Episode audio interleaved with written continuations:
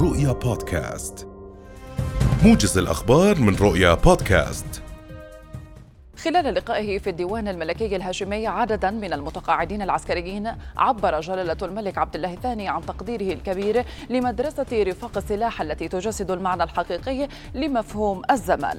جلالته قال إنه على يقين بأن الأجيال المقبلة ستحافظ على هذه الروح والمعنوية العالية مؤكدا اعتزازه بنشام القوات المسلحة الأردنية الجيش العربي والأجهزة الأمنية عاملين ومتقاعدين ومعبرا عن شعوره بالسعادة في كل لقاء يجمعه بهم. وترحم جلالة الملك على الشهداء الذين خسرهم الوطن أخيرا من أبناء القوات المسلحة ومن سلاح الجو. تعرضت حافلة تابعة لإحدى المدارس الخاصة في منطقة نعيمة جنوبية مدينة إربد إلى حادث تدهور صباح اليوم بحسب ما أفاد مراسل رؤيا ومصدر أمني قال لرؤيا إن الحادث نتج عنه ست إصابات نقلوا جميعا إلى مستشفى الملك المؤسس في إربد مشيرا إلى أن حالتهم الصحية متوسطة.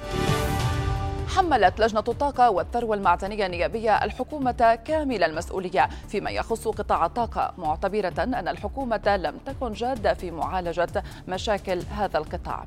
اللجنة طالبت خلال اجتماعها أمس الحكومة بإعادة النظر بالضريبة الثابتة على المشتقات النفطية وضرورة إعداد مشروع قانون والتقدم به لمجلس الأمة لتأميم قطاع الطاقة. هذا وأوصت اللجنة بأن تقوم الحكومة بإعادة النظر بالضريبة الثابتة على المشتقات النفطية كونها الأعلى عالميا ولا تتناسب مع دخل المواطن.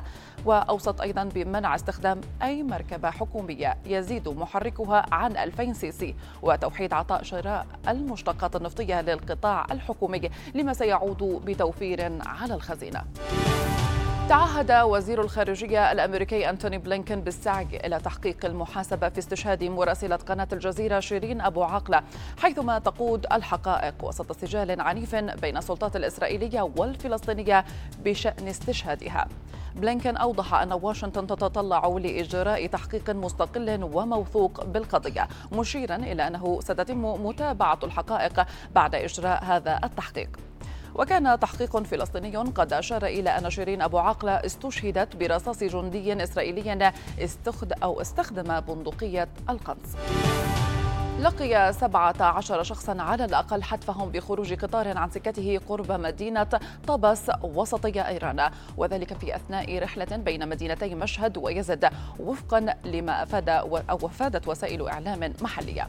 نائب رئيس شركة السكك الحديدية الإيرانية مير حسن موسوي قال للقناة الإيرانية الرسمية إن القطار الذي كان على متنه أكثر من 300 راكب انحرف بعد احتكاك مع آلة حفر كانت موجودة على مقروبة من سكته.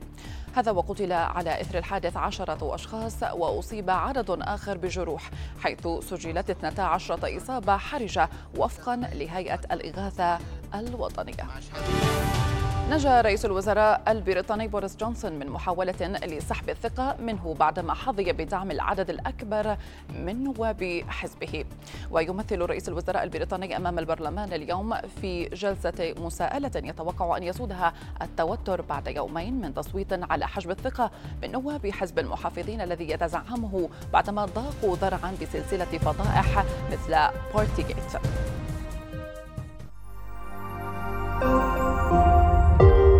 رؤيا بودكاست